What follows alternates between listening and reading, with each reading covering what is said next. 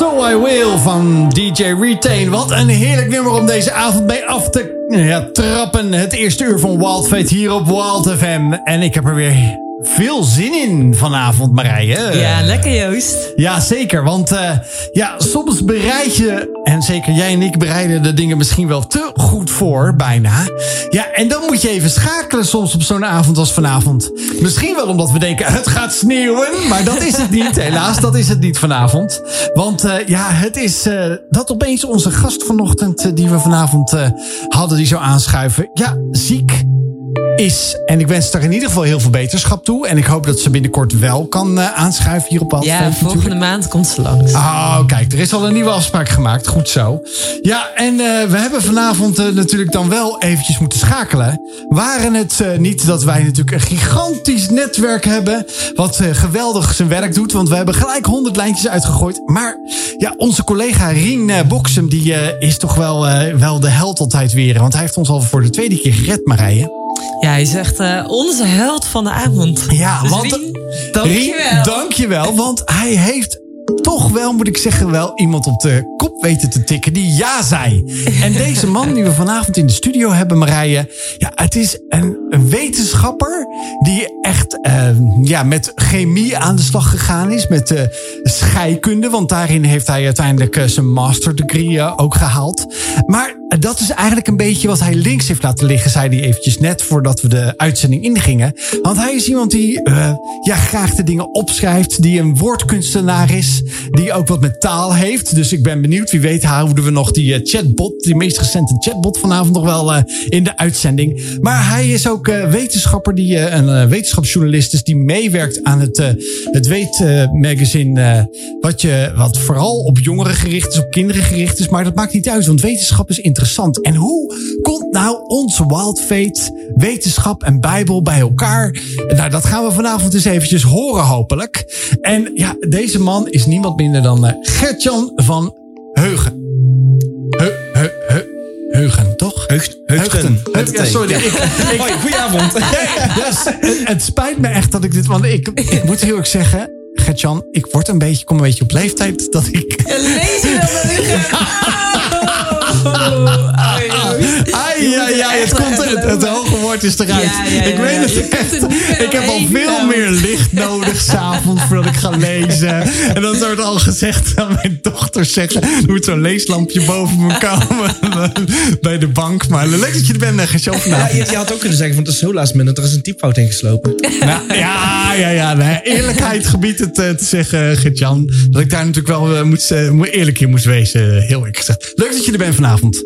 Ja, dankjewel. Leuk dat ik hier mag zijn. En uh, ja, jij, komt, uh, jij komt nogal, uh, ja, misschien zeg je stilletjes binnen.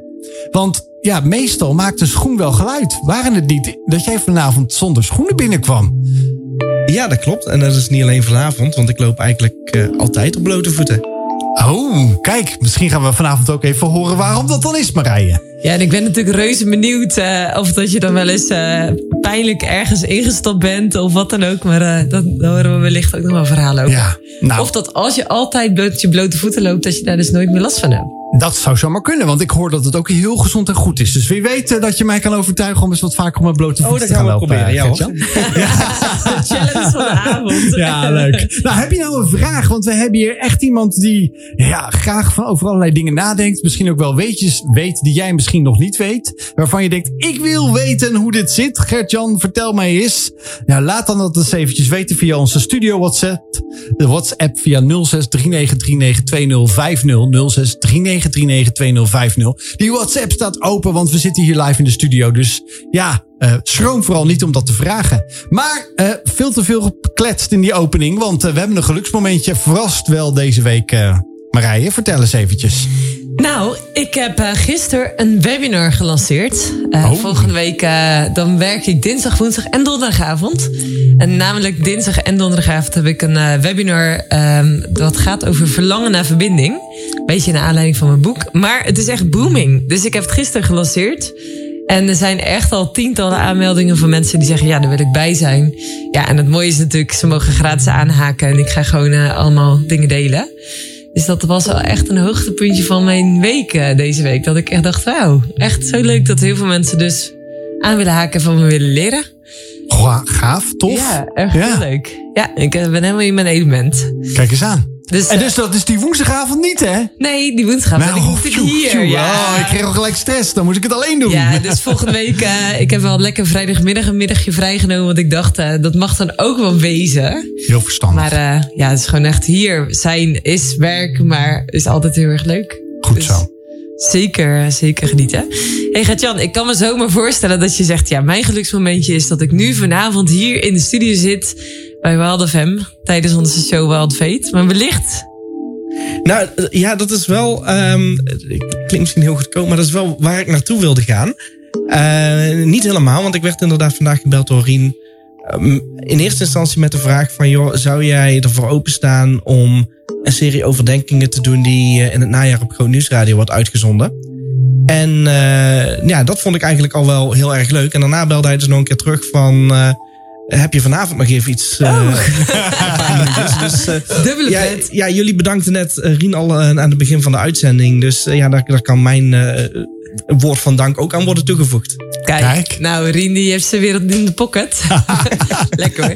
Hey Joost, en heb jij ook nog iets waarvan je zegt... want ja, ik weet dat je natuurlijk eh, zin had om met de motor eh, lekker eh, op pad te gaan deze week. Ja. Maar waar het niet dat het een beetje glad is her en der? En die zaterdag was heel de zaterdag regen, regen, regen. Dus ja, ik heb, ben al bezig geweest met mijn eh, winterpret. 2023 december. Ja, want eh, we hebben besloten, Marije, dat wij... eh, ja, dat is een wens van mijn vrouw die al heel lang er is. En eh, ja, wij hebben wat opzij gelegd daarvoor. En dat gaan we nu verzilveren.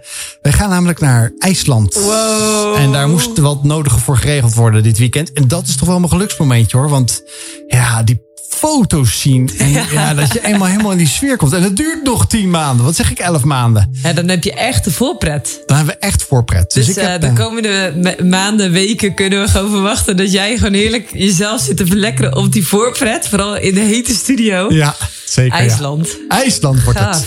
Dus wij eh, gaan. En dus ja, er moesten gewoon eh, wat eh, zaken geregeld worden. En dan vind ik het leuk om uit te zoeken. En ook te denken: waar gaan we heen? Wat gaan we doen? Wat gaan we zien? Ja, er zijn ook interessante dingen. Wat wetenschap bijna ook wel. misschien ook wel interessant vindt. Maar dat weet ik niet. Maar wie weet, kan ik dat nog aan Gert-Jan vragen vanavond. Ja, zeker. Ja, IJsland is, is wetenschappelijk heel erg interessant. Ja. Ja, het, het is, het ligt precies op de breuklijn tussen de Europese plaat, de Europese aardplaat en de Amerikaanse aardplaat. En wat er dan gebeurt, is die twee aardplaten die, die bewegen zich uit elkaar. En je kunt dus op IJsland, volgens mij kan het nu nog net wel of net niet, kun je op een plek duiken. En dan kun je met je ene hand de Europese aardplaat aanraken, met je Nee. andere hand de Amerikaanse. Maar die gaan dus Ah, steeds verder uit elkaar, echt- met, een paar centimeter per jaar. Ja. Dus ja, op een gegeven moment dan, dan worden je armen te kort, dan kan het niet meer. Nee joh. Nee, maar dat klopt. Want eh, dat- nou, ik vind het wel gaaf dat je dat zo even zo paraat te kennis hebt. Want dat is inderdaad een ding wat ik gelezen heb. Maar dat je kan kan er dan bezoeken een en dat je kan vulkaan duiken. ontstaan? Sorry? Kan er dan een, vul- een vulkaan ontstaan ook? Ja, zeker. Ja, waar, waar dat die aardplaten uit elkaar komen, eh, uit elkaar schuiven. Dat is eh, wat er gebeurt. De, de, de, het vloeibare gesteente van de mantel, wat eronder zit, Ja? dat komt daar aan de oppervlakte. En je ziet dat niet alleen bij IJsland, maar je ziet dat over. als je, als je een, een kaart van de aarde bekijkt, dan zie je een soort van S-vormige streep. Die loopt helemaal zo tussen Noord-Amerika en Europa. En die loopt helemaal door naar het zuiden toe tussen Zuid-Amerika en Afrika. En dat is de, de Mid-Oceanische rug, wordt dat genoemd, de Mid-Atlantische rug. En dat is wat die twee platen uit elkaar schuiven. En daar komt dan eh, nieuw vloeibaar gesteente naar boven toe. En dat dat uitzicht inderdaad soms in, in vulkanen en in nieuwe eilandjes die ontstaan. Ah, zo vet. Ik weet echt dat we vanavond echt super veel boeiende dingen gaan horen. Ik heb er echt zin in. En we hebben ook nog even een, eh, zometeen een eh, belletje. Nee, niet een belletje, want dat, heb ik, eh, dat introduceer ik zo meteen. Want ik heb een heel leuk verhaal van onze zuidenburen. Maar dat is de worth, worth the risk van Sam Rivera natuurlijk hier alleen op Wild Fate. Worth the risk van Sam Rivera. Welkom terug bij Wild Fate hier op Wild FM. We zijn vanavond in gesprek met Gert-Jan. Hij is wetenschapper eh, eh, in het dagelijkse leven. Journalist, wetenschapper, journalist. En hij werkt voor het hele leuke magazine, onder andere van, eh, van Weet. Maar hij is daarnaast ook eigen ondernemer met allerlei mooie dingen die hij doet in het eh, dagelijkse leven. En eh, ja, hij neemt vanavond ons mee met leuke wetenschappelijke zaken. Denk ik zomaar eventjes, als ik het alleen al met de introductie hoor, hoe hij al zo die piratenkennis heeft over IJsland, waar ik net over deelde, waar ik komende december met mijn gezin naartoe kan gaan.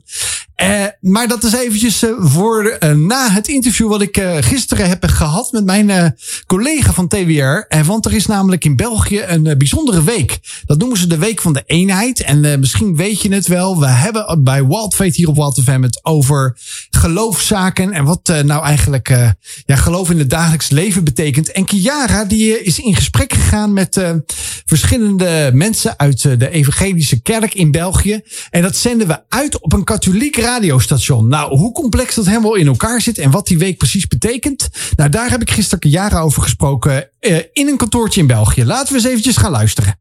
Wildfate is een radioprogramma wat mede mogelijk gemaakt wordt door TWR, Transworld Radio, een internationale radioorganisatie. In Vlaanderen staat er een klein kantoor in Brugge waar ik eh, regelmatig kom. Waar onder andere Kiara Goosens, journaliste en programmamaker, werkt. Zij heeft een nieuwe programmareeks gemaakt in het kader van de Week van de Eenheid in Vlaanderen. Maar wat is eigenlijk de Week van de Eenheid, Kiara? Dag Joost. Wel, uh, eigenlijk heet het officieel de Week van Gebed voor Eenheid van de Christenen. En dit is eigenlijk een, ja, een internationale gebedsweek. Het is in België voornamelijk een initiatief vanuit de katholieke kerk. En tijdens die week wil de katholieke kerk de verschillende christelijke kerkstromingen ja, aanmoedigen om samen te bidden voor eenheid onder ons. En dan na te denken over wat ons bindt in plaats van wat ons verdeelt. Uh, waarbij ik ook graag wil toevoegen dat naar mijn mening hetgeen wat de christelijke stromingen onderling anders maakt, niet per se ook een slecht gegeven is. Hè. De veelkleurigheid van het christendom is ook iets moois. We kunnen daardoor ook elkaar uh, aanvullen en leren van elkaar, zolang we natuurlijk de kern van ons geloof, eh, ons fundament, niet uit het oog verliezen. En dat is wel heel erg mooi, want ook hier op Wild FM, eh, menig luisteraar weet niet eens wat het christendom is. En die denkt vaak aan die verdeeldheid, allerlei soorten kerken. Dus dat is mooi dat jij dat zo benoemt, dat uh, ja, Vlaanderen daar zijn best voor doet. En dat zal ook in Nederland gebeuren. Maar ja, ik heb jou nou eenmaal uh, vandaag in de uitzending om daar eens eventjes over wat meer te vragen. Want waarom doet de TWR, Transworld Radio, hier aan mee? En dan in het bijzonder het kantoor in Vlaanderen?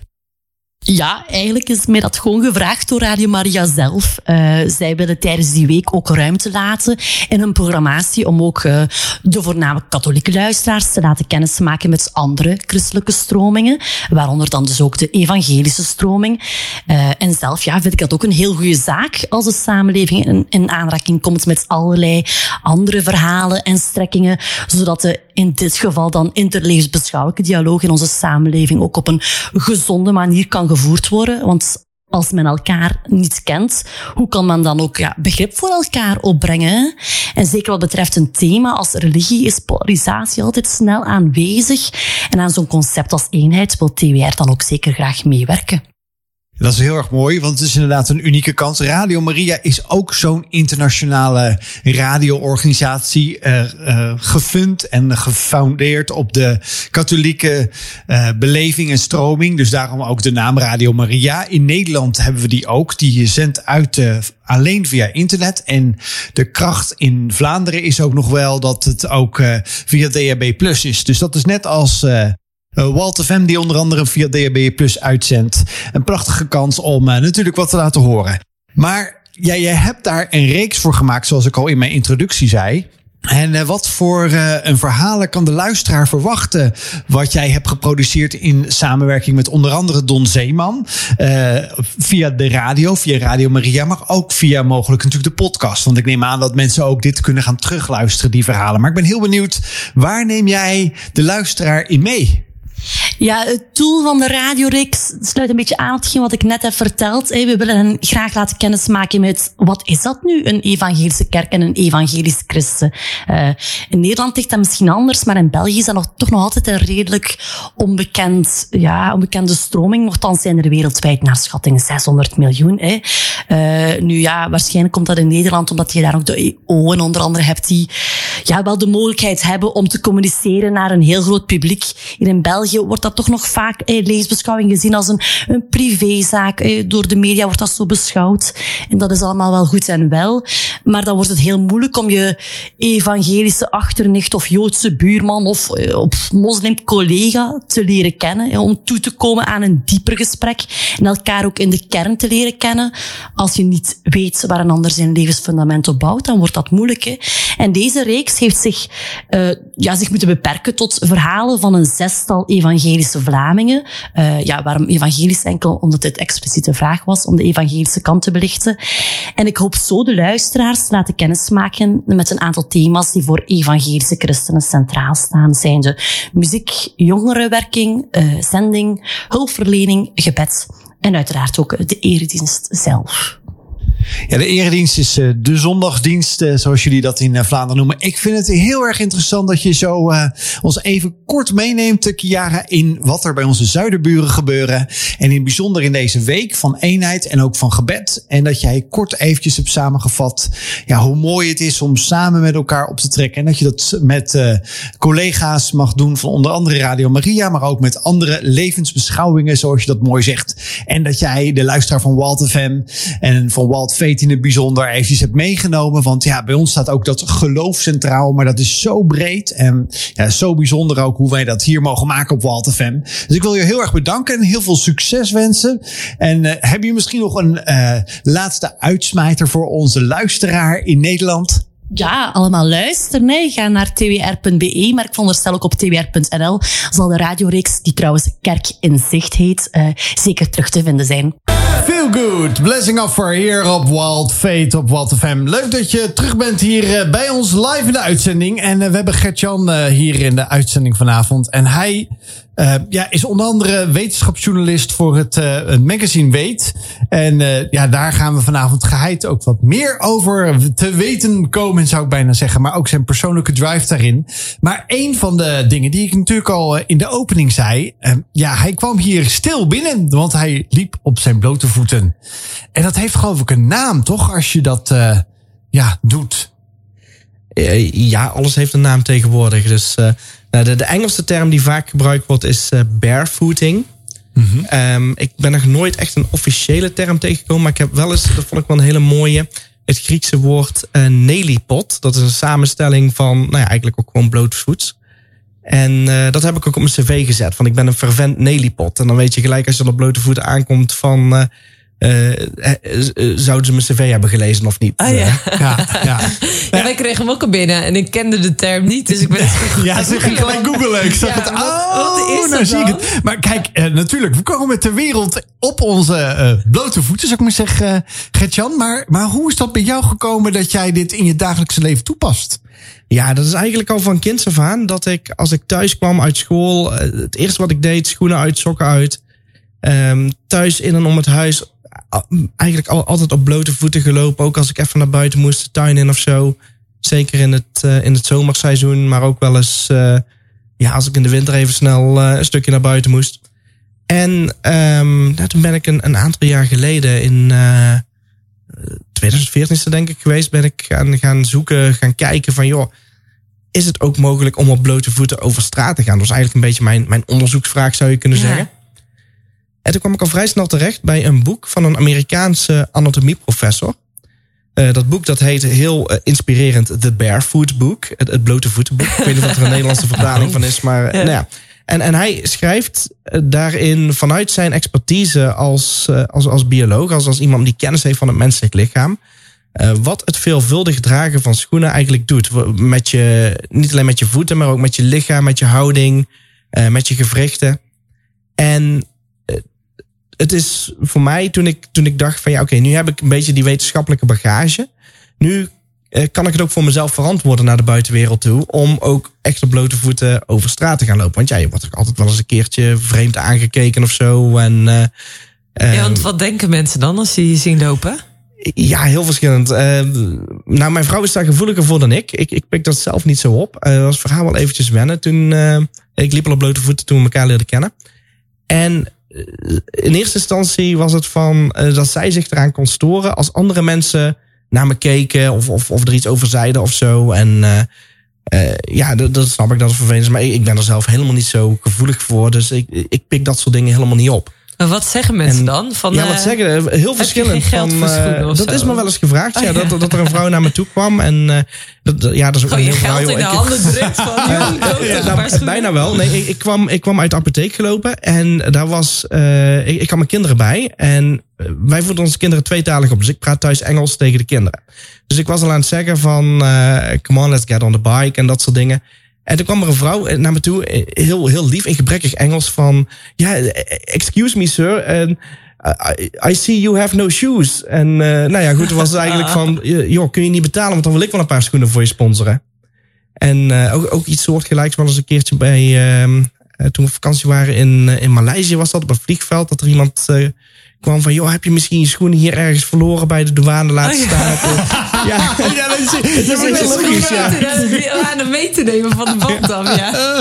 ja, ja, ook, ja, ook een keertje van eh, dat, dat er dan eh, een van die douanebeambten vraagt van... ja, meneer, je loopt hier op blote voeten weg, eh, vergeet je schoenen niet. Ja, die heb ik niet bij. Die heb ik niet ingepakt dit keer. Maar, maar ben je nou nooit ergens ingestapt? jawel, jawel, jawel. Eh, nee, een ehm, hondendrol of... eh, Ja, Ja. eh, ja, misschien één of twee keer. Ehm, maar je leert wel met één oog naar op de grond te kijken. ja. Eh, wat, wat, ik, eh, wat ik wel een paar keer heb gehad, is een glassplintertje. Een heel Oeh. klein glassplintertje. En dat is dan ja, eventjes heel vervelend. Maar ik heb over het algemeen ook wel een zakmes bij met een pincet erin. En vaak dan kun je het er wel redelijk goed weer, eh, weer uitpulken. Dus dan is het een beetje ja, de, de zelfoperatie. dus- het voordeel is als je blote voeten gaat lopen, dan krijg je eelt. En dan blijft het in die eeltlaag steken. En dan, ja, dat, dat, dat voel je eigenlijk niet. Eh, pas als je het echt een beetje doortrapt, dan, eh, ja, dan, dan begin voel je je te dat voelen. En dan, dan, dan weet je ook van, nou, daar zit het, dan kan ik het er ook uithalen. En is wel ben, je, ben, je, ben je thuis ook de enige die eh, eigenlijk echt dit eh, structureel doet? Of zijn ondertussen je kinderen en je vrouw ook eh barefoot aan het lopen? Nou, eh, mijn vrouw die doet het wel eens ooit, maar eigenlijk niet. En, ehm, ja, heel soms een klein stukje. Maar over het algemeen eh, draagt zij wel gewoon schoenen. En de kinderen, die, eh, nou, ze zijn 1 en 3, dus die hebben nog niet echt... En die de- lopen ook nog blote voeten. Ja, die, die, die lopen thuis eh, dus de hele tijd eh, schoenen uit, schoenen aan, sokken uit, sokken aan. Want ja, dat vinden ze gewoon leuk om, om dingen aan of uit te doen. Ja, ja. Nou, ik kan me van vroeger herinneren. Wij hadden een puinpad. Ik ben op een boerderij opgegroeid. En op dat puinpad was allemaal gewoon gebroken puin. Dus dan gingen mensen hun huis afbreken. En dan werd dat bij ons gestort als pad. En ik liep daar dus ook met blote voeten. En daar rende ik dan ook overheen. Ik kon echt met blote voeten over het puinpad heen rennen. Met allemaal steentjes en dingetjes. Want ik liep ook altijd op blote voeten. Maar ja, ik ben een keer in een spijker getrapt. En Ja. niet daar maar met de verbouwing van het huis. Dat ik gewoon... eh, eh, ik had het eigenlijk verdrongen. Maar nu denk ik er opeens weer aan dat ik echt denk... Oh ja, shoebies, dat was toen... Dat was echt Ja. wel heel pijnlijk, zeg maar. Hij was nog een geroeste spijker ook. Dus dat was echt gewoon heel doe, gedoe. Maar, maar hoe, eh, hoe zou jij eh, mensen die eh, misschien luisteraar van Wild Fate, die Wild Fan, die denken, oké, leuk dat je. Maar, maar wat zou voor mij de motivatie uiteindelijk moeten zijn om, om misschien zoiets te gaan proberen? Hè? Want ik bedoel, ik zou me niet kunnen voorstellen om mijn schoenen naar buiten te, te gooien uit het raam. En nou, ik denk dat de belangrijkste motivatie die je zou kunnen hebben is... je moet het leuk vinden om op blote voeten te lopen. Je, je moet het niet gaan doen als je zegt van... ik ben, ik ben helemaal verzot op schoenen. Ik kan niet zonder mijn schoenen. Nou, dan moet je niet op blote voeten gaan lopen. Uh, als je denkt van... nou, misschien heb ik ietsjes meer nodig van... ik vind het leuk of ik, ik, vind, ik wil het nou geval overwegen... dan zou ik zeggen van ja, lopen op schoenen... dat heeft heel veel, zeker op langere termijn... heel veel uh, negatieve gevolgen voor je vooral voor je voeten, de, je tenen die kunnen gaan vergroeien. En dat zie je in hele extreme gevallen bij de, de hele chique dameschoenen met een hele hoge hak. Um, ja, wat, wat, wat, er eigenlijk gebeurt is, is dat het dragen van schoenen dat beperkt de natuurlijke werking van je voet. Uh, want je voet die heeft een voetboog en die voetboog die werkt als een soort van schokbreker. Net als bij de, bij de wielen van een auto. En als je uh, schoenen draagt, die hebben altijd voetboogondersteuning dan zet je eigenlijk die schokbreker op slot. Dan kan die zijn werk niet meer doen. En dan wordt die klap niet opgevangen door de schokbreker die ervoor is gemaakt om die klap op te vangen.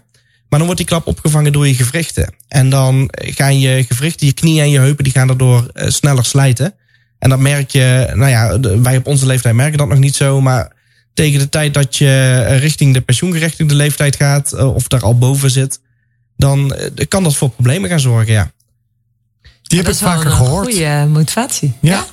Dat je niet op hakken moet lopen, Joost. Eh, Sowieso, nee, dat is, slecht, dat is eigenlijk heel slecht, sowieso. Maar eigenlijk, eh, ik probeer ook wel, eh, ik probeer ook echt zelf dat ook regelmatig echt bewust even denk, hé, hey, even gewoon een uurtje gewoon in en om het huis met, me- ja, met mijn blote voeten te lopen. Omdat ik dus dat ook heb gehoord inderdaad over positie, hoe je, hoe je staat en inderdaad gewrichten, alles dat heeft, ja, uiteindelijk, je staat op die twee eh, voeten, op die eh, twee zolen, letterlijk en figuurlijk. Daar, daar, daar staat heel je, ja, live op, zou ik maar zeggen. Heel, heel Nou, gevarieerd. overwegen of dat ik bij mij op kantoren ook gewoon een eh, schoenenvrije plek heb. Gewoon, eh, dan kan je s- lekker warme sokjes krijgen. En dan kan je lekker je schoenen bij de deur laten staan. Nou, een goed idee, Marije. Ja, toch? Ehm, nou, we, we gaan eh, verder zo meteen even met jou in gesprek, eh Gertjan. Maar wij luisteren hier natuurlijk altijd alleen de allerbeste nieuwste gospel. En eh, we hebben zo'n heerlijk nummer van, van King Country en Rebecca St. James, Your Kingdom Come. Your Kingdom Come van Rebecca St. James en voor King and Country. Eh, dat zijn echt eh, de heerlijkste gospelsongs die we ook heel vaak draaien. En zeg je nu van, nou, ik wil meer van die muziek hebben. Check dan even via Spotify de playlist Fate, de playlist. eh, waar je dus eh, heerlijk kunt nagenieten van deze muziek. Lekker kunt sporten, lekker kunt chillen of wat je dan ook wil doen met de muziek. En wij zijn er elke woensdag en zondagavond voor jou. Dus luister lekker mee. We zitten vandaag met Gertjan in de studio. En hij deelde net over zijn passie eigenlijk ook wel voor met blote voeten lopen. En nodigde echt uit van hè, waarom zou je het gewoon niet eens proberen? Eh, gewoon eens ontdekken, vind ik het eigenlijk leuk überhaupt om op blote voeten te lopen. En sterker nog, dan is het ook nog eens heel erg goed voor je lijf. Voor je knieën, voor je heupen. Eh, voor de schokdempertjes die van nature al in je voeten zitten. Dus hoe heerlijk is het om gewoon zo puur natuur te leven. En vanuit die hoedanigheid in het leven te staan. Ja, misschien wel een goede toevoeging. Eventjes nog wachten tot het wat warmer wordt in de lente. Want dit, dit is nu echt weer voor gevorderden hoor. Ja, Gelukkig zegt hij het er nog bij, hè? Gelukkig zegt hij dat er nog bij. ja, ja, ja, ja. Ik zag je net aankomen lopen en toen dacht ik echt, oeh, dat is echt wel koud gewoon. Dat ik laatst ook een keer met blote voeten buiten liep eh, met de eh, vorst. En dat ik echt dacht, zo, dat is wel even eh, gewoon afval of zo buiten brengen. En dat je denkt, oh, dit is echt wel koud. Laat staan dat je alles doet eh, met blote voeten. Ja. Maar eh, jij bent wetenschapper. En ik ben Klopt, ja. wel benieuwd, wat is het leukste weetje wat je ooit hebt ontdekt? Oeh, dat is een hele goeie. Ehm, ja, misschien, misschien niet zozeer het leukste. Maar voor mij wel het belangrijkste. En dan gaan we gelijk weer over eh geloof en wetenschap. eh, om, om het geloof er ook maar even bij te betrekken. Is dat eh, ik ben opgegroeid met een geloof in de evolutietheorie. En ik, ik heb eigenlijk altijd geloofd dat de aarde miljarden jaren oud is. En toen ging ik op een gegeven moment de Bijbel lezen. En daar staat dan: God heeft de wereld in zes dagen gemaakt. En dan hoor je wel eens van mensen die hebben het over schepping of evolutie. En ik dacht van ja, evolutie dat is een heel eh, brede wetenschappelijke theorie. Maar waar dat van alles bij komt kijken. Van aardlagen en, en planeten en licht van de sterren en zo. En dat zet je dan af tegen die zes scheppingsdagen. Dus dat was voor mij was dat heel erg ongebalanceerd. Hoe kun je nu in, in alleen de schepping geloven? En toen ben ik daarna eigenlijk omdat ik dacht van nou misschien krijg ik nu wel antwoorden van hoe kan ik dan evolutie met de Bijbel combineren. Want ik, ik zag wel in van die twee die staan met, met elkaar op gespannen voet. Toen ben ik met die intentie naar een paar lezingen toe gegaan. En wat ik daar toen heb geleerd, wat, wat voor mij echt een eye-opener was, is dat het niet alleen evolutie versus schepping is, maar dat je binnen dat scheppingsmodel, om het even als een wetenschappelijk model te zien, eh, ook moet kijken naar de zondvloed. En dat de zondvloed daarbij een hele grote rol heeft gespeeld. Dat was voor mij echt wel, eh, ja, toen eh, vielen de schellen van mijn ogen, om het maar even eh, die terminologie te zeggen. Nou, ik ben wel benieuwd, wat je noemt wat termen zo tussendoor. eh, om dat nog even met elkaar verder te ontrafelen. Want eh, eh, eigenlijk, ik heb wel eens gehoord hè, om in de evolutietheorie te geloven. Want eigenlijk moet je er ook in geloven. Want het is, wetenschap betekent dat het voor nu een hypothese is totdat het weerlegd wordt. Als ik het goed zeg. Dus, dus de evolutietheorie is dus ook een theorie. Maar eigenlijk is dat ook zo bizar dat je er eigenlijk ook geloof voor moet hebben om te zeggen. Ja, dat dat bestaan zou hebben is eigenlijk ook echt wel bizar. Dat gewoon uit niets iets ontstaat en dat dat zich helemaal door evolueert tot wat we vandaag de dag hebben. Ja, ja en, en eh, misschien een kleine toevoeging, want eh, in de wetenschap is, wordt er, het wordt theorie op een iets andere manier gebruikt. Een theorie is inderdaad een een hypothese, een stelling, die zichzelf al zo vaak bewezen heeft dat het tot een wetenschappelijke theorie kan worden. Dus het is ook niet dat je kunt zeggen van, uh, joh, evolutie, dat, dat stelt allemaal niks voor. Er zijn ook echt wel goede argumenten aan te dragen voor uh, evolutie en voor een miljoenen jaren oude aarde. Alleen denk ik dat als je wetenschap vanuit een andere bril gaat benaderen, uh, dat je dan veel betere antwoorden kunt geven. En dat heeft er eigenlijk een beetje mee te maken met hoe wetenschap werkt. Want als wetenschapper ga je uit van het zogenaamde naturalisme. Uh, groot duur woord. Betekent eigenlijk zoveel als in mijn wetenschap hou ik geen rekening met het bestaan van het bovennatuurlijke. Alles moet een natuurlijke verklaring hebben. En dat werkt heel goed als je bijvoorbeeld het gaat hebben over de zwaartekracht. Waarom vallen voorwerpen naar de aarde toe? Maar als je het gaat hebben over dingen die in het verleden zijn gebeurd, zeker over dingen waarvan dat de Bijbel expliciet zegt: God was erbij, God heeft hier dingen gedaan, dan uh, werkt die, die filosofie die aan de wetenschap ten grondslag werkt niet meer. Nee, omdat je zegt, hè, er is dus een bovennatuurlijk wezen, namelijk God, die dus daar invloed op gehad heeft. Waardoor het niet alleen maar wetenschappelijk dus zonder spiritualiteit te bekijken valt. Maar er zit eigenlijk een heel spirituele kracht achter, namelijk God zelf. Ja, precies. En de wetenschap kan uh, eigenlijk per definitie, vanwege dat, dat basisprincipe, niks zeggen over het bovennatuurlijke. Er wordt wel eens gezegd van ja, als atheïst de wetenschap heeft bewezen dat God niet staat, uh, God niet bestaat. Dat kan helemaal niet. De wetenschap kan niks zeggen over het bestaan van God of van de duivel of van engelen of van hemel en hel. Uh, dat, dat valt allemaal buiten het terrein van de wetenschap. En hoe kwam jij dan tot de ontdekking? Ha, het is dus niet wat ik altijd heb geleerd, de evolutietheorie, maar ik geloof dus in een God die dus wetenschappelijk niet te verklaren valt. Ja, dat is. Um, ik, ik heb wel een christelijke achtergrond. En vanuit daar heb ik wel altijd al geloofd: God bestaat, er is een God. En ik heb ook nog best wel willen geloven dat uh, Jezus een bijzonder persoon was. En dat Jezus wonderen kon doen. Dus daar was voor mij het punt niet. Dus in die zin was die, die bagage, zou je kunnen zeggen, die was er al. Uh, echt het grote geschilpunt zat voor mij bij, die, bij het begin van de Bijbel. En eigenlijk doordat ik dacht van, nou, um, ik begin te lezen in Genesis 1 over de schepping. En ik dacht, dat heeft evolutie al lang bewezen dat dat niet klopt. En dan ga je verder lezen. En dan gaat het over uh, de, de uittocht in, in de tijd van Mozes. Ja, dat was ja. dus dat uh, het volk van Israël slaaf was in, in Egypte. Egypte. Ja. En vervolgens dus vertrok uit Egypte naar het beloofde land uh. Uh, Canaan, zeg maar, in, in de zin van Israël vandaag de dag. Ja, en dan, dan is daar een, een heel uh, belangrijke passage die iedereen kent. Het, het, volk gaat door de Rode Zee en het water dat wordt gesplitst en de Israëlieten die gaan er door. En de Egyptenaren die ze achtervolgen, die, die blijven vastzitten in de modder en het water stroomt terug en die verzuipen.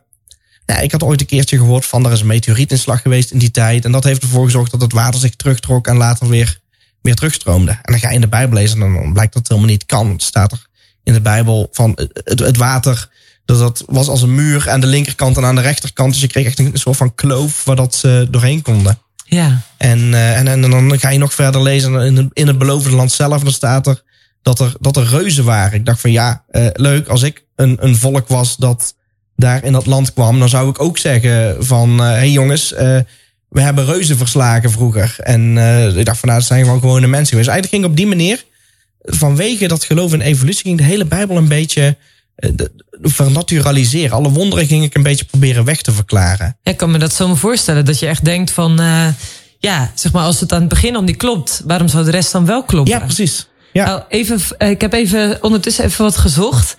Al wil je meer lezen over de schepping, dat uh, zei Gert-Jan al even, Genesis 1, dat is het eerste Bijbelboek.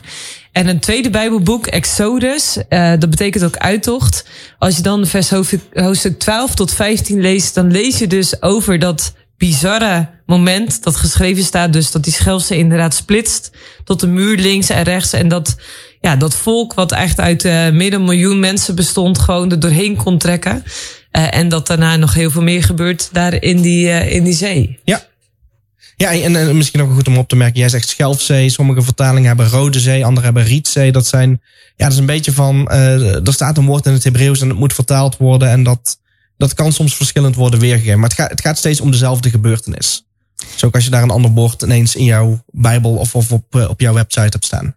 Maar ik kan me dan echt wel, ja, dat je zegt, ja, als dan ik eh, begin, de Bijbel begint te lezen en daarin nou wel denk, ja, hallo, uh, daar klopt helemaal niks van. En je gaat er verder lezen dat je eigenlijk een beetje cynisch kan worden van, ja, maar uh, dan kan ik in bepaalde dingen wel geloven, maar als ik heel veel dingen uit de Bijbel, uit de alle verschillende boeken die daarin opgenomen staan, niet geloof, ja, dat lijkt me ook heel ingewikkeld. Ja, nou ja, je, je gaat dan een beetje um, cherrypicking is de Engelse term. Je, je kiest welke dingen je wel wilt geloven en welke dingen je niet wilt geloven. Uh, terwijl ik denk nu in elk geval dat de Bijbel niet op die manier gelezen moet worden. En dat je de Bijbel moet pakken van ja, alles of niets. Om het maar even heel zwart-wit te zeggen. En wanneer kwam het moment dat je erachter kwam, het is alles in plaats van niets? Dat moment kwam bij die lezingen waar ik het net over had, maar dat heeft een kleine aanloop gehad, doordat ik bij een uh, jongerenvereniging was. En dan noemde ik gewoon puur uit onschuld, omdat ik dat, dat ik dat dacht van, joh, het ging over de schepping. Dat heeft evolutie al lang bewezen, dat dat niet klopt. En toen was een van de jeugdleidsters en die gaf mij een, een paar weken later een lijstje met stellingen over schepping en evolutie. En uh, ik dacht uh, toen heel arrogant, dat was, uh, ik had volgens mij toen nog, nog niet een computer met internet of zo, dat weet ik niet eens, maar die tijd van, was ik, toen nog. Ja, die tijd was toen nog. Ja, het is de, de, begin jaren 2000 moet dat zijn geweest. En ik dacht van, ik ga met, gewoon achter mijn bureau zitten met mijn potloodje. Ga één voor één al die stellingen ontkrachten en dan is het probleem opgelost. Ja. En dat lukte me niet. En er waren ook een heleboel dingen die gingen helemaal niet over evolutie. Dat ging over aardlagen en fossielen en de ouderdom van de aarde. Ik dacht van, joh, komen ze nou mee aanzetten? En dat was voor mij, toen is er een beetje een, een, een knagend gevoel ontstaan. Waardoor dat ik toen in, uh, in 2006 is dat geweest. Dat was op het Flevo Festival. Ik weet niet of mensen dat nog kennen. Maar dat was, uh, ja, ik, ik kom uit Brabant en uh, dat was bij mij praktisch in de achtertuin. Dus dat was vaste prik om daar naartoe te gaan met, met een vriendengroep. Ja, dat was een festival met veel muziek, maar ook sprekers, ja. inspiratie, ontmoeting. Ja, en, en ja, heel veel leuke dingen, heel veel mooie momenten beleefd. En dan kwam, in 2006 kwam er een spreker uit Engeland en die ging het hebben over schepping en evolutie. En die had er toen drie lezingen. En ik weet niet eens meer precies wat de onderwerpen waren. Maar hij, hij wist eigenlijk op al mijn vragen die ik had. En ook de vragen waarvan ik niet wist dat ik ze had. Wist hij antwoord te geven. En, en ook bijvoorbeeld van. Uh, ja, Jezus op het meer van Galilea. Uh, het stormt. Jezus spreekt de storm toe. En dan is het niet over een half uur stil. Dan is het op dat moment stil. Nou, dat is de kracht, kracht die God heeft als hij spreekt. En hoe heeft God de wereld geschapen? Door te spreken. Ja, waarom zou je dan wel in het ene wonder geloven, maar niet in het andere? dacht van ja, dat is eigenlijk ook heel logisch dat dat zo geweest is. En allemaal vragen over dinosaurussen, over fossielen, over radiodatering. Um, allemaal dingen waar ik, waarvan ik dacht van nou, dit bewijst de evolutietheorie. Daarvan bleek dus van nou, dat staat helemaal niet zo sterk als ik tot nu toe altijd had geloofd. Nou, super spannende thema's. Kijk, het leuke daarvan is dat ik als uh, geluidsfanaat uh, altijd zeg: ja, daarom is het belangrijk geluid eerst en daarna pas beeld. Ja. want ja, God sprak en. Uh, toen was het er. Snap je? Hey, ja, toen was het licht. Ik ben ook echt heel erg benieuwd naar dat, dat verhaal, of dat, wat je noemde de zondvloed. Maar daar gaan we vast in een tweede uur wat meer over horen. Zeker weten. Darling van Neon Father Remix. Welkom terug bij het tweede uur van Wild Fate hier op Wild FM. We zitten live in de studio vanavond hier uh, bij Wild. En uh, ja, je kunt reageren als je dat wil. Want we hebben een spraakmakende leuke gast die hier barefooding uh, binnenkwam. Kortom, hij loopt eigenlijk bijna de hele dag of eigenlijk altijd zeven dagen in de week. 365 dagen per jaar zo goed als uh, op zijn blote voeten. Dus uh, nou, wat, wat was wel een leuke inkomen, binnenkomen natuurlijk. Ja, uh, Gert-Jan die is hier vanavond te gast. En hij ja, wil graag het nodige aan ons vertellen. Hij heeft al heel veel verteld over een stukje wetenschap. Hoe hij zelf ja, tot de ontdekking kwam dat de, de Bijbel wel ja, een bijzondere waarheid is. En wat de waarheid daarvan is precies. En daarin wil hij graag nog veel meer ontdekken. En uh, ja, hij heeft natuurlijk ook een uh, bijzonder uh, verhaal, denk ik wel, waar hij ons in wil meenemen. In die tijdmachine. Want dat past natuurlijk wel bij Gertjan. En ja, we gaan die deur eens even opengooien van die tijdmachine. Want ja, wie wil er nou niet mee? Want we gaan eens even aftellen. Gertjan, waar ga je ons mee naartoe nemen in de Bijbel? Ik ga mensen meenemen naar Genesis 6. Ja. En dat is uh, vlak voordat de zondvloed begint. Oeh. Nou, we gaan eens even met jou meeluisteren. Neem ons mee. Yes. Eh, wat er gebeurt. Eh, ik moet even de situatie bedenken. Eh, Adam en Eva zijn geschapen, zijn uit het paradijs gezet. Door de zondeval, bij de zondeval. Die krijgen kinderen. En sommige van die kinderen die, die volgen Adam en Eva in het aanbidden van God. Maar er zijn er ook een heleboel, vooral in de geslachtslijn van Kain, die de, de andere kant op gaan. Die, die niks met God te maken willen hebben. En die hebben een behoorlijke invloed gehad op die wereld voor de zondvloed. En je ziet dat mensen die werden toen nog heel erg oud. En wat er dan gebeurt is dat die mensen die, die, die leven lang en die, die doen slechte dingen. En dat, dat gaat zelfs zo ver dat uh, zo'n beetje de hele mensheid alleen maar slechte dingen doet. Alleen maar verdorven is. Niks meer met God te maken wil hebben. En er is één persoon en die is wel rechtvaardig, zoals het dan genoemd wordt. Dat is Noach. En Noach is op dat moment zo'n 500 jaar oud. Hij heeft uh, drie kinderen waarvan we de namen weten. Dat zijn Sem, Gam en Javed. Misschien heeft hij nog wel meer kinderen gehad, dat staat niet genoemd. En als Noach rond die leeftijd is, uh, ik, ik denk zelf 480 jaar, dan krijgt hij een visioen van God. En God zegt tegen hem: Noach, ik ga de wereld vernietigen. Er komt een wereldwijde overstroming. Want alle mensen doen alleen maar slechte dingen. En wat er gaat gebeuren is dat je, uh, moet, je moet een ark bouwen, je moet een hele grote boot bouwen. Ik stuur dieren naar je toe. En jij en jouw gezin en die dieren, die moeten in de ark, dan ben je veilig voor het water. En ja, dat, we weten vanuit de Bijbel van dat, dat gaat dan inderdaad ook gebeuren. En er staat dan, en dat is een, een ja, diverse in Genesis, die zijn soms best lastig te vertalen. Ook vanuit het Hebreeuws zijn heel, heel sumier samengevat. Ik heb hier uh, de herziende statenvertaling en daar staat er dat uh, God die zegt, mijn geest zal niet voor eeuwig met de mens twisten, omdat hij ook vlees is, maar zijn dagen zullen 120 jaar zijn. Ja, wat, wat ermee bedoelt dagen 120 jaar? Heel vaak wordt gezegd van nou, mensen leven dan na de zonvloed niet langer dan 120 en je ziet een, een heleboel generaties na de zonvloed wordt die grens bereikt. Persoonlijk denk ik van nou, dat is een, een, een, een aankondiging van God zegt tegen Noach, over 120 jaar gaat die zonvloed komen. Nou, hoe het ook zij, uh, Noach die gaat die boot bouwen. En daarmee maakt hij ongetwijfeld gebruik ook van, uh, van zijn zoons en misschien nog wel van ingehuurde knechten. En uh, nou ja, we kennen denk ik wel een beetje de, de, de plaatje uit de kinderbijbels van de mensen die staan erbij en die lachen van, joh Noach, doe niet zo dwaas, je gaat toch geen boot bouwen midden op het land. waar ben je wel helemaal mee bezig, ben je wel helemaal goed. En dan gaat er op een gegeven moment, dan, dan, ja, je zou er bijna overheen lezen, maar dan staat er, Noach die gaat de ark in, samen met uh, zijn vrouw. Noach had een vrouw, anders krijg je ook geen kinderen, dus nou, dat is logisch.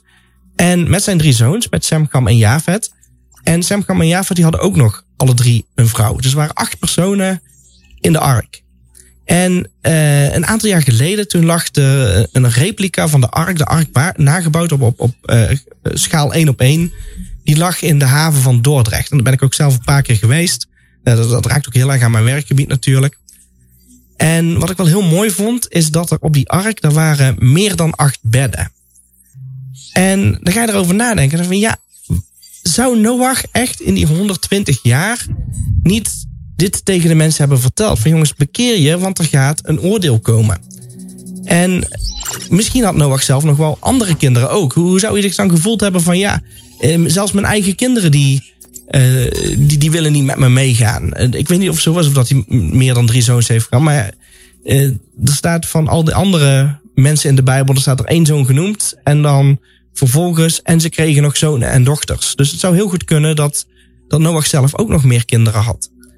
En ja, wat, wat, wat zou er dan door hem heen moeten zijn gegaan als je echt gaat kijken in termen van moderne kerkplanters, dan is Noach echt de, de minst uh, representabele persoon om, om jouw kerk op te baseren. Want hij begon met een kerk van acht mensen.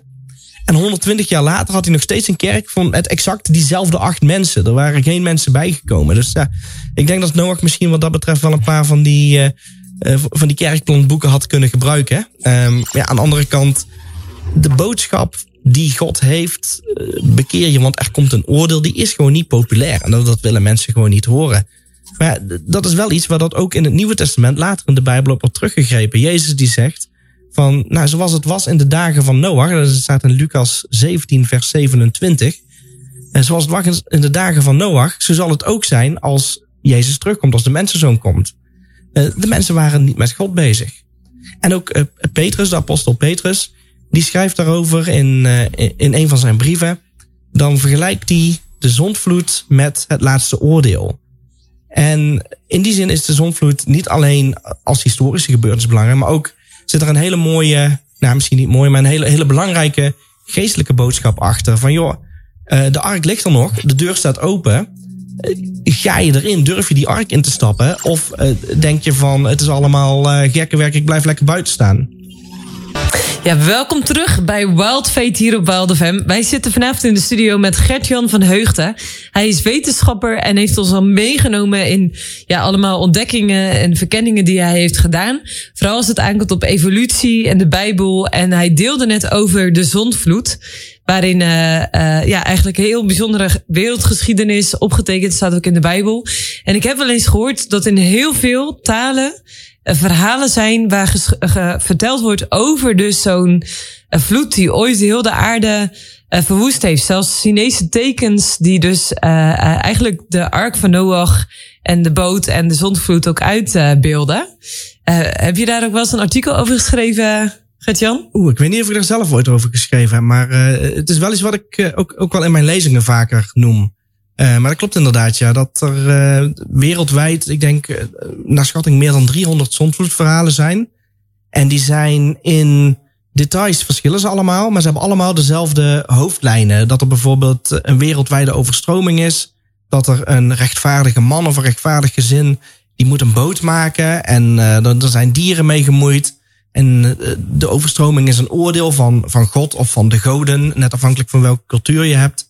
Ja, en de details verschillen. Dan heb je bijvoorbeeld de Hawaïaanse Noach, die moet dan een kano bouwen. Oh ja. En je hebt er ook ergens, ik meen in Roemenië, daar hebben ze dan een, uh, uh, de zondvloed gecombineerd met de zondeval. Dat er dan een man is en die heeft een vis en daar had hij niet van mogen eten. En nou, dan komt er daarna een overstroming. De details weet ja, ik niet. dus in de overleveringen zijn dus heel veel verschillende verhalen ja. ontstaan.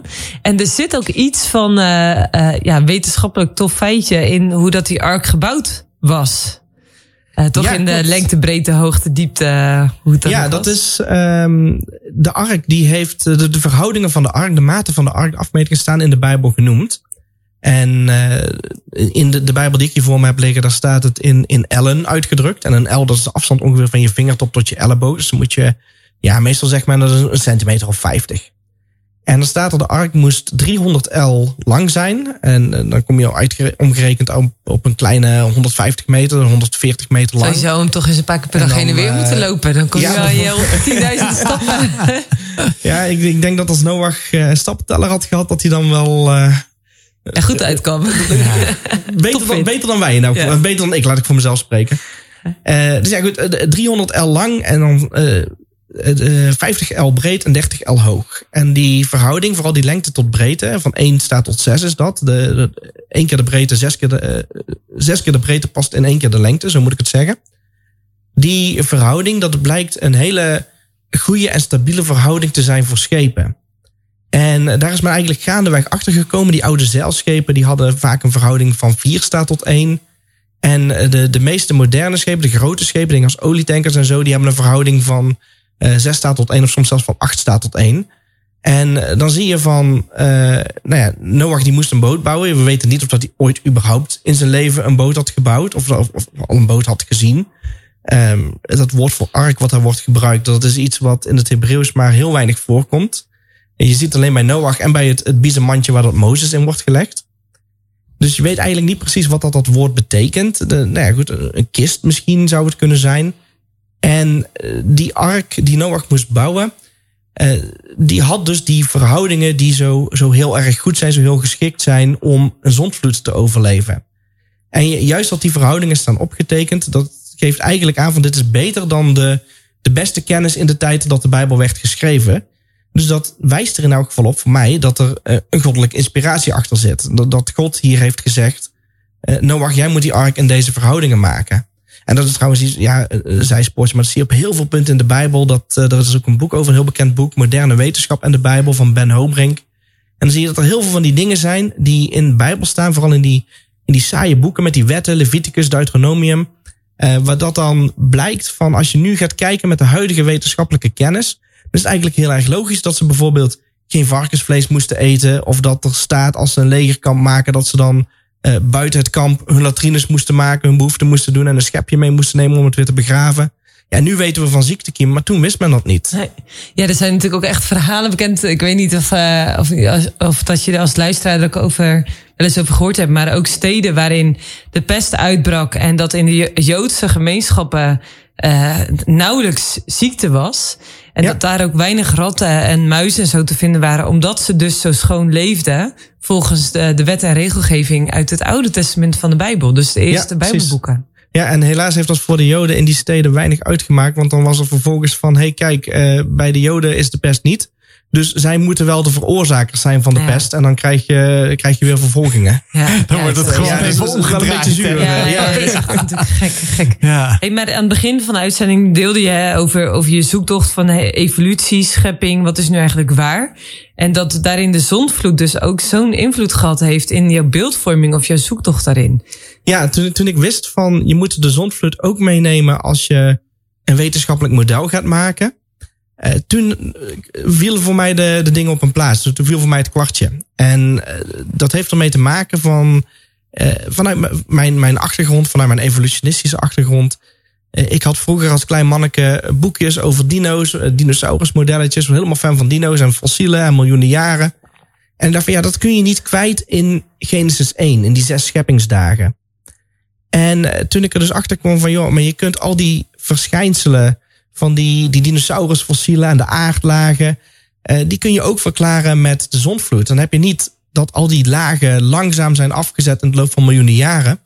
Maar dat het juist allemaal heel snel is gegaan. En uh, dat het, het proces waarmee dat ze zijn afgezet, dat dat heel erg bepaalt um, hoe je die, die lagen interpreteert. Uh, ja, dus ja, bijvoorbeeld. moeilijke woorden misschien, maar dat. Ja, uh, dus bijvoorbeeld, ik heb zo'n vrouw gehoord dat je zeg maar rechtopstaande bomen verkoold kunt hebben. Dus dat laat zien dat het onmogelijk kan zijn dat die boom neergevallen is, maar die is soort van verkoold, terwijl dat die nog rechtop stond. Ja, precies. Ja, dat is een, een mooi voorbeeld inderdaad. Je hebt uh, versteende boomstammen en die, die steken dan dwars door een, een heleboel laagjes heen. En als die boom, als die laagjes zich in de loop van eh, duizenden jaren zouden hebben gevormd, dan zou de bovenkant van de boom zijn weggerot voordat de onderkant kon verstenen. Ja. Dus dat betekent, als je die versteende boomstammen ziet, dan moet dat hele pakket van boom met aardlagen, dat moet tegelijkertijd zijn afgezet. En dat moet ook vrij snel zijn afgezet. En we weten ondertussen ook dat fossielen, die, die vormen helemaal niet als je een, een diertje hebt wat uh, ergens in een moeras ligt te rotten en dat dan langzaam bedekt wordt. Want dan blijft er van zo'n diertje helemaal niks over. Maar die fossielen die vormen wel als je bijvoorbeeld hele plotselinge processen hebt. Waarbij dat. Nou ja, denk aan bijvoorbeeld de Pompeii, de vulkaanuitbarsting in, uh, in 79 na Christus. Waarbij dat er een heleboel as en stof over zo'n stad wordt uitgestort. En dan zie je dat uh, die, die, die mensen die daar op dat moment nog waren, ja, die, die afdrukken daarvan, die zijn bewaard gebleven. En dat heb je met fossielen precies zo. Alleen dan niet misschien met een vulkaan en als een stof, maar met een overstroming en, uh, en zand en modder en klei en aardlagen. Recent was er nog iets uh, gevonden hè, uit uh, Pompeii. En, een jonge vrouw, geloof ik, die, die, die lag. Ik weet niet of je dat toevallig hebt gezien ergens, maar ik zag het nog in het nieuws. Ja, nee, er worden inderdaad nog steeds een heleboel ontdekkingen gedaan. Het is ja, nog een actieve archeologische site. En ehm, het, het is natuurlijk heel erg vervelend geweest voor de mensen die dat hebben meegemaakt. Maar voor ons als, als mensen van uh, kleine 2000 jaar later levert uh, zo'n ramp als Pompeii levert voor ons een hele, hele grote schat aan informatie. Het is eigenlijk een soort van foto zou je bijna kunnen zeggen. De tijd is daar even stilgezet. En wat er op dat moment was, wat er op dat moment gebeurde. nou, het is niet helemaal zo, want mensen waren wel aan het wegvluchten al. Maar je, ziet bijvoorbeeld van hoe men toen leefde. Je ziet uh, dat daar, dat daar uh, broden zijn gevonden, verkoolde broden. Waar dat een, een stempel op zit. Van joh, dit is een echt brood gebakken met goede ingrediënten. Dat, dat, dat is, je krijgt waar je voor betaalt. We zien uh, graffiti op de muren. We zien um, fastfood restaurantjes, zou je kunnen zeggen. Allemaal potten zijn gevonden, urnen. Waar dat dan verschillende soorten dierenbotten ook in zijn gevonden. En ja, dat was dan een, een, een, een stoofpot, zou je kunnen zeggen. Ja, het is toch echt waanzinnig dat je dat gerechten. zoveel jaren later nog kunt vinden. hè? Ja. En hoe zit het dan met die dino's? ja, want ik heb begrepen dat jij zo gefascineerd bent dat je er gewoon naar op zoek bent gegaan. Ja, klopt. Ik ben in eh, 2018 had ik de mogelijkheid om naar Amerika te gaan. En daar heb ik meegedaan met een project wat daar elk jaar wordt gehouden vanuit de, eh, de Southwestern Adventist University, is een af- Universiteit van de Zevende Dags Adventisten. Die gaan elk jaar in de zomer een maand lang graven naar dinobotten. En Iedereen die daarvan houdt, die denkt echt... cool. Ja, Ja, mijn neefje, mijn neefje, die, is helemaal, die loopt alleen maar dag en nacht in dino-kleding en zo. dino, dino, Helemaal, die kent al die dino's uit zijn hoofd. Maar ja, vertel Ja, verder. vertel verder. Is, is ook heel belangrijk. Ik Ja. vind ook dat mensen. Het is jammer dat dat bij veel mensen naar de kindertijd verloren gaat. Want eh, Ja. ja. dan moet ik het ze weer uit gaan leggen bij mijn lezingen. wat alle dino-namen zijn. Ja, maar, maar vertel ja, wat je toen... eh, eh, nou, wat we toen hebben gedaan is. eh, je, je draait mee in een project wat al, wat al bestaat. Dus het is niet dat ik daar vanuit mezelf naartoe ben gegaan om dingen te gaan zoeken, onderzoeken. of om mezelf een onderzoeksvoorstel te- op te zetten. Wat je dan doet is je gaat graven naar dinobotten bij dit project. En op het moment dat je een bot hebt gevonden. dan wordt het helemaal met GPS in kaart gebracht. En dan later krijg je daar al die data van. En dan kun je een, eigenlijk die aardlaag waar dat die dinobotten in zitten. dat is een laag van ongeveer een meter hoog. Die, die hele laag die kun je dan zien, maar zonder het zand ertussen. En dan kan je wat vertellen over hoe dat die botten daar terecht zijn gekomen. En dan zie je bijvoorbeeld van. eh, het zijn allemaal losse botten die we vinden. We hebben geen, geen complete karkassen van dino's. Eh, wat we ook zien is dat de, de zwaardere botten die zitten in de onderste lagen. En de lichtere botten naar boven toe. En nou, zo zijn er een aantal van dat soort dingen die we daar hebben, hebben gevonden. En dat, dat geeft een beeld van, joh, dit moeten snelle processen zijn geweest. Waarbij dat er een kudde dinosauriërs waarschijnlijk in eerste instantie is omgekomen. We weten niet precies waardoor, maar dat kan door een overstroming zijn geweest. En, en dit past binnen, nou, voor binnen het zonvloedkader. Die dinosaurussen zijn omgekomen en die hebben eh, een poosje aan de oppervlakte gelegen. Er zijn aaseters zijn erbij gekomen. We vinden daar onder andere tanden van vleeseters vinden we daartussen. Daardoor zijn die, ehm, die dino's ook wat, wat ja, gaan rotten, wat uit elkaar gevallen. En vervolgens is er een nieuwe overstroming gekomen. Waardoor dat die dino-karkassen, dan heb je het echt over tussen de 5000 en de 25.000 individuen. eh, van eh Edmontosaurus voor de, voor de, de connoisseurs onder ons. Dus niet een hele spectaculaire dino. Het is geen T-Rex of zo, maar het is eh, ja, een, beetje, een beetje het schaap van de dino-wereld. eh, moet je een beetje bij denken. En het is een- Als je vraagt wat is je favoriete dinosaurus, zal nooit iemand zeggen Edmontosaurus. maar die dino was het dus. En eh, daar zo'n zo'n 5000 tot 25.000 individuen. Die zijn door dat water opgepikt. Met modder en al. En door die kracht van dat water zijn die, zijn die karkassen verder uit elkaar gerukt. En krijg je ook die sorterende werking van zware botten onder, lichte botten boven. En waarschijnlijk is dat dan een, ja, misschien wel honderden kilometers verder landinwaarts getransporteerd. Dus echt een enorme kracht die erachter zit. En hoe je dat dan in de zonvloed moet plaatsen, is van, nou, als je gaat lezen over de zonvloed, dan, lees je van, uh, uh, het begint te regenen en uh, het regent 40 dagen en alles verzuipt. Maar wat er niet in de Bijbel staat, en wat we tegenwoordig wel in onze modellen hebben zitten, onze wetenschappelijke modellen, is dat je tijdens een zonvloed nog steeds te maken hebt met eb en vloed.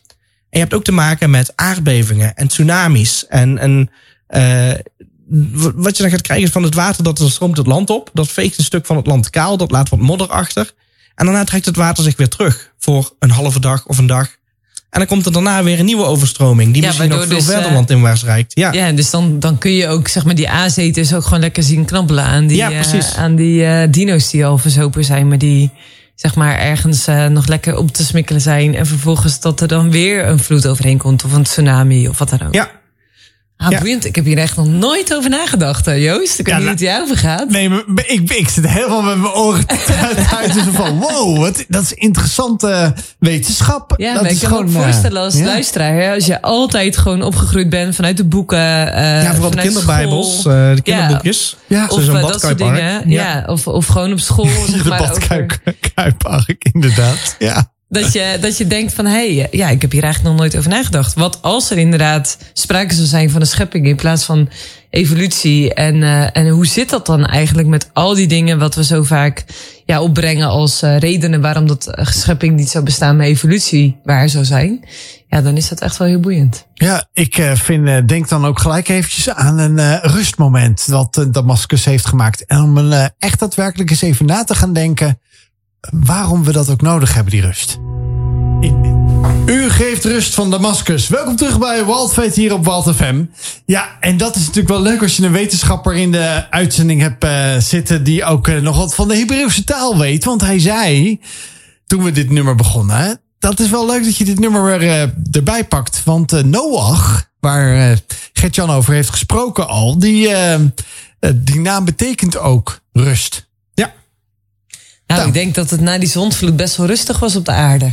Ik denk dat het heel stil Want als er acht mensen uh, dat overleefd hebben met een paar dieren, dan uh, was het vast heel rustig. Ja, met de mensen wel. wat mensen en dieren betreft. Maar de, de, geologie ging nog wel door. En ook na de zondvloed zijn er nog wel ja, kleinschaligere rampen geweest. maar inderdaad, dat, ja, Noach die moest van. hij, hij zat samen met zijn gezin van acht mensen in totaal aan boord van de ark. En uh, van de, de door de neus ademende landdieren staat specifiek genoemd. Uh, en de vogels. Die uh, moesten mee aan boord van de ark. Waren er niet heel veel vissen daarna dan? Nou, de, de, vissen, daar lezen we eigenlijk niks over. Want de vissen hoefden sowieso niet mee aan boord van de ark. Nee. En, Zou het zijn om een vis... ja, maar je, hebt, je had wel natuurlijk zoet en zoutwatervissen misschien, of niet? Ja, dat is ook nog een vraag. Want het kan heel goed zijn dat de zondvloed een zoetwatervloed was. En dat het, het zoute water wat we nu in de zeeën hebben, dat, dat, pas, dat het zout pas tijdens de zondvloed is aangevoerd door de onderaardse mineralen. Zo, wat is het toch echt een hoop wat dan. Ja, er komt heel veel bij kijken. Dat, ja, ja. Uh, ja. Hey, en, uh, en die dino's dan? Want je zit net allemaal uh, te vertellen over dino-botten en die opgraven. En dat dan allemaal weer in kaart brengen. En dan gewoon ook ja, ontdekken van oké, het zou zomaar kunnen zijn dat, dat die botten dan ook uh, allemaal doorgespoeld, verder weggespoeld zijn. En we vinden dan tanden van aaseters. Nou ja, allemaal hele super spannende verhalen. Um, maar zijn de dino's dan niet mee aan de, op de ark gegaan? Uh, ja, zeker wel. Ja, want uh, nou, kijk, de Bijbel die noemt het woord dino niet. En dat is heel begrijpelijk, want het woord dinosaurus is pas in, in 1841, 1842 uitgevonden. Dus da daarom kom je het woord dinosaurus niet tegen in de Bijbel. Maar uh, dino's vallen wel in die categorie van door de neus ademende landdieren. En van de door de neus ademende landdieren moesten er twee mee aan boord van de ark. En in heel veel Bijbelvertalingen staat twee van elke soort. Uh, zelf vind ik dat een beetje verwarrend, want in de biologie heb je ook soorten. Wij mensen die, die krijgen de soortnaam Homo sapiens. En uh, er zijn ook nog andere mensachtigen geweest, andere mensen geweest, bijvoorbeeld de, de Neandertalers. De Homo neanderthalensis. Dus dat is een, een, andere soort van de mensen. En nou, met dieren zie je dat nog veel meer van de, de, de katachtige, de hondachtige, paarden, ezels en zebra's. Dat zijn allemaal dieren die vanuit zo'n zo'n geschapen soort, zou je kunnen zeggen. De Statenvertaling gebruikt een aard. Uh, alle, alle, dieren, alle planten die brachten voort naar hun aard. Uh, zelf gebruik ik heel vaak het woord basistype, een geschapen basistype. En nou ja, wat een geschapen basistype is, dat is eigenlijk een kind van drie kan je dat het beste uitleggen. Paarden, ezels, zebra's, die lijken allemaal op elkaar. een banaan hoort daar niet tussen in het rijtje.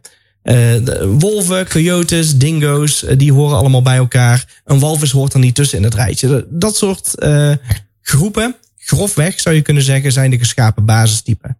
En dan heb je van de dino's misschien 10, 15, 20, soms misschien zelfs al tot 50 geschapen basistypen. Dus dan heb je nou ja, maximaal 100 dino's aan boord van de ark.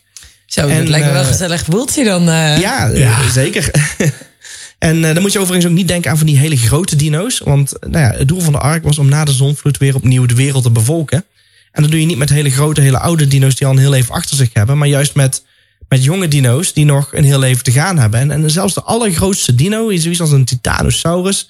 Die begon in een ei dat niet veel groter was dan van een voetbal. Een diameter van, van zo'n 30 centimeter. Dus het kan ook zijn dat ze eieren meegenomen hadden? Dat zou zelfs nog kunnen. Ja, ik denk het niet, want God zegt tegen Noach van dieren die komen naar jou toe. Oh ja. En, en eieren kunnen over het algemeen niet lopen. Niet zo rollen, nee. Eh, dus, dus, maar Ik zie jong- jonge dino's zouden dat Ja, kunnen met twee pootjes eruit zo. Dik, dik, dik, dik. Een beetje Calimero. eh. Ja, dat moest ik inderdaad aan denken. Ja. Mama, mama. Ja, maar dus, dat, dus je denkt, hè, dat zouden best jonge dino's geweest kunnen zijn, waardoor ze dus nog niet eh, bizar groot geweest zijn, maar Ja, gewoon precies. ook aan Ja. kunnen En, en we weten ook uit onderzoek van botten dat eh nou, zo- zo'n hele grote dino, zo'n langnek dino, een sauropodes, technische term. Die, die bleef de eerste paar jaar van zijn leven nog vrij klein en schattig en handelbaar. Met een gewicht van tot maximaal een ton of zo. Een beetje een kleine auto. Ja. En, en dan daarna... dan- Klein en dan schattig. die, eh, ja, klein en schattig. Ja, die weet niet op je tenen bestaan, nee. Nee, ja, dat sowieso niet. Maar eh, eh, ik hoop dat Noach daar ook wel vooruit gekeken heeft. Maar maar dan daarna dan maakt hij een groeispurt door. En dan bereikt hij zijn volwassen gewicht van 25 ton. En als je dan toch mag kiezen van wat heb je liever op je tenen staan, dan eh, weet ik het wel. Ja, vooral als je blote voeten... dan- Sorry, ik ben een Dat is een inkoppertje. Dat is een. Ja. Hey, en wat is er dan daarna gebeurd? Waarom hebben we vandaag de dag dan geen dinosaurus meer? Of hebben ze wel, maar erkennen we ze niet als dinosaurus? Nee, ik denk dat, dat dino's eh, zijn uitgestorven. Totdat ik een levende dino te zien krijg, ga ik ervan uit dat ze zijn uitgestorven. Er zijn nog wel geruchten van, nou, misschien in Afrika of zo zou wat zitten. Maar nou ja, zolang het bij geruchten blijft, dat, dat vind ik als wetenschapper niet eh, interessant genoeg om daar een, een theorie op te baseren. Ja, want er zijn Eh, nog steeds diersoorten die ze nu nog vinden. Gewoon in ja, eh, klopt. jungles Dat, dat, gebeurt nog. En, eh, en wat, er ook, wat we ook zien, is dat er diersoorten zijn die uitsterven. En na de zondvloed had je volgens de geologische modellen een hele woelige periode. Waarbij dat onder andere een ijstijd was. Waarbij dat er heel snelle klimaatverandering optrad. En ja, dat zijn allemaal dingen die zo'n zo'n dino-soort, zo'n dino-basistype fataal kunnen worden. Eh, plus wat je ook hebt is, eh, ik zei van het woord dino staat niet in de Bijbel, maar het woord draak komen we zeker in de oudere vertalingen wel tegen. En ik denk dat de, de draken waar men vroeger over sprak, en dan heb ik het niet over de, eh, de, de legendes en de sprookjes, maar echt de, in historische boekwerken, in, in natuurbeschrijvingen, kom je draken tegen als zijnde, het zijn echte dieren. En eh, nou ja, we kennen allemaal legendes als eh, Sint Joris en de draak. Eh, een, een, een, ik geloof derde eeuwse meer Romeinse soldaat die bekend is geworden omdat hij een draak heeft gedood. En daarvan kunnen we zeggen van ja, dat, dat was is allemaal verzonnen. Maar wat nu als die draak een, niet een verzonnen dier was, maar een dier wat wij vandaag de dag zouden bestempelen als een dinosaurus? En nou, zo krijg je dus dat er heel veel mogelijkheden zijn. Onder andere eh, drakendoders als Sint Joris, verandering van klimaat, voedsel, leefgebied. Waardoor dat die diersoorten uiteindelijk eh, kunnen zijn uitgestorven.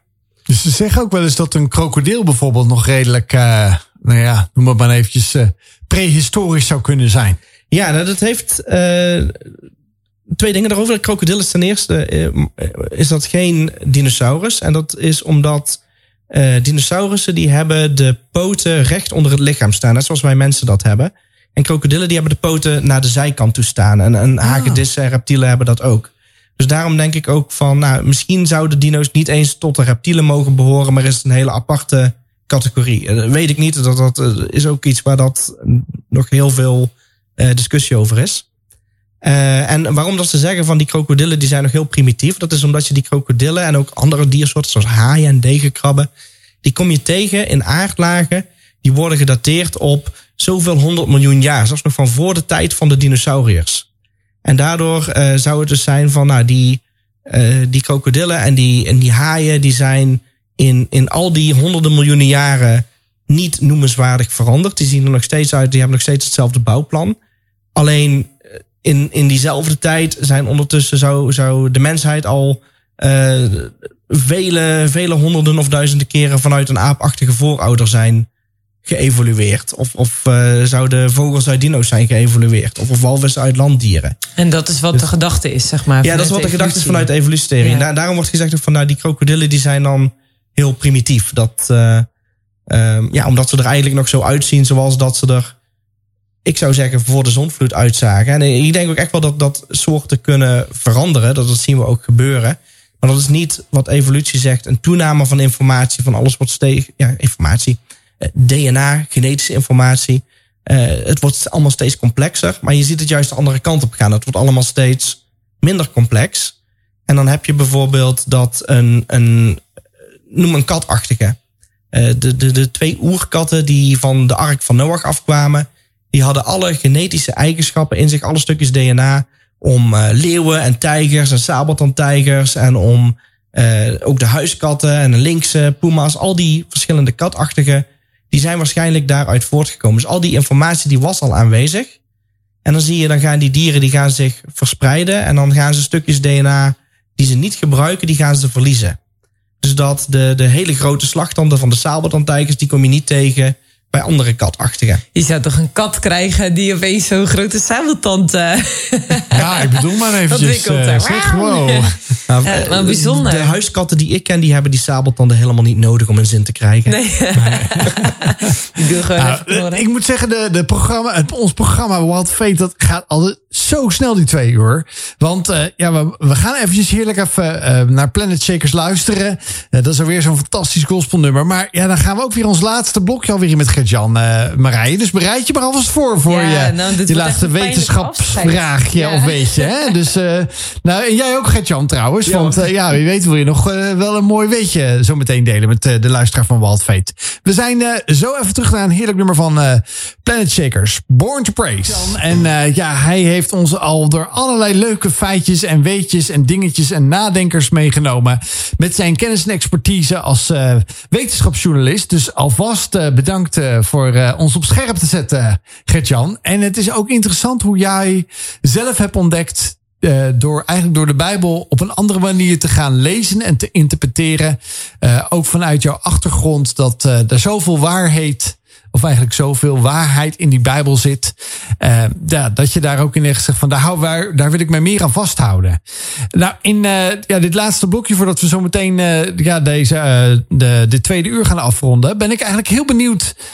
ja, hoe zou jij nou ehm, de luisteraar van Wild FM, van Wild Feetjes willen meenemen en nieuwsgierig willen maken? Jij hebt natuurlijk al dat leuke tijdmachine itempje meegenomen. Maar wat zijn er nog meer voor jou? Ja, misschien wel mooie handvatten dat je zegt: hey, hey, misschien heb je al zo'n Bijbel thuis of zo'n app of ga eens online kijken en, en lees dit eens eventjes met een andere bril, met deze bril die ik je nu wil meegeven. Oeh, ja, dat is een hele goeie, want er is natuurlijk uh, heel superveel om erover te lezen. Um, nou, misschien is, is het goed om eens te beginnen met uh, gewoon de, de evangelieën. Dus uh, de Marcus, Matthäus, Lucas en Johannes over het leven van Jezus.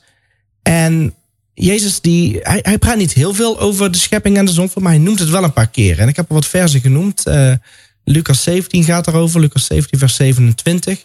Ook als het gaat over het huwelijk, dan geeft Jezus het ook over de schepping. Matthäus 19 is dat. En de parallele passage in Marcus 10, allebei aan het begin van het hoofdstuk. Dus uh, eigenlijk zou ik dan willen uitdagen en, en, niet alleen dan naar de evangelie te kijken, maar ook naar de rest van het Nieuwe Testament. Van ja, hoe gaan nu andere Bijbelboeken, andere Bijbelschrijvers om met de schepping? En vooral Paulus heeft er ook veel over geschreven in Romeinen, uh, Romeinen 5, 1 Korinthe 15.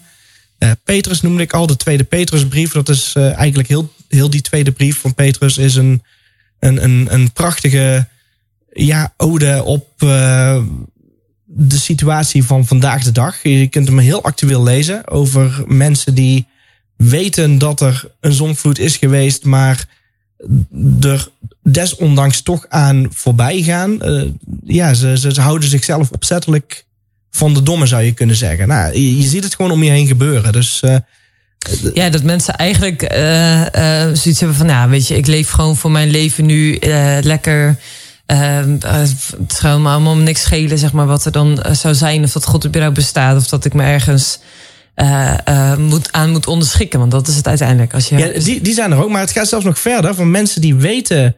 hey, de wetenschappelijke gegevens die wijzen erop... er is een zonvloed geweest. Maar toch zeggen ze... toch houden we vast aan die miljoenen jaren. Ja, dus het is wel tof. Hè? Uh, Gertjan noemt verschillende Bijbelboeken. De Bijbel bestaat dus uit 66 boeken.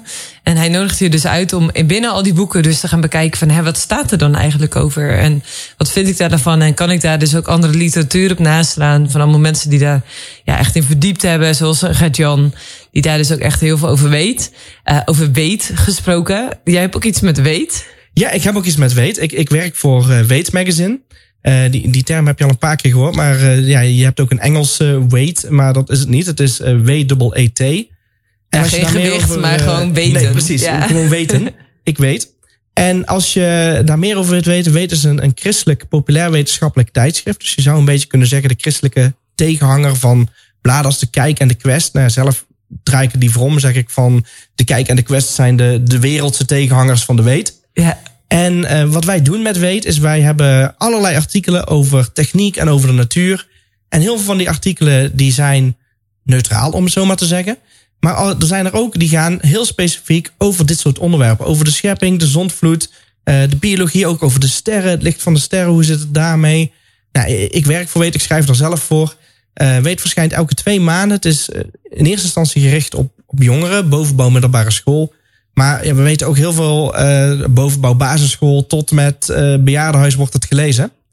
Uh, dus als je daar meer over wilt weten, de website is www.weet-magazine.nl. En daar kun je ook, als het goed is, als ik me niet vergis, een gratis proefnummer aanvragen. Oh, dat dus, is altijd goed. Als je, als je ja, een keertje ja, precies. gratis is nooit verkeerd. En sowieso, als je nog meer wilt weten over schepping en evolutie en alles wat ermee te maken heeft, dan wil ik ook even kort het Logos Instituut aanraden. Die hebben ook een website www.logos.nl. En logos, dat is L-O-G-O-S. Dat is het Griekse woord wat woord betekent. Ontleend aan het begin van, van Johannes. En logos is een, een christelijk wetenschappelijk instituut die houdt zich ook bezig met allerlei dingen over schepping en evolutie, over wetenschap en de Bijbel. Die hebben ook een webshop met allemaal boeken, uh, waar dat je ook van alles kunt vinden. Kijk, en, en, en jijzelf. En mijzelf, nog, ja. Ik heb ook ja. nog een website, dat is Waarom Schepping, waaromschepping.nl. Uh, kun je me boeken voor lezingen en gastlessen en feestjes en partijen en net wat je wilt. Zo. Weetjes, van, dat is altijd leuk als zo'n verjaardags, verjaardagsweetjes en zo. Uh, dat je ja, precies. kan vragen. leuk.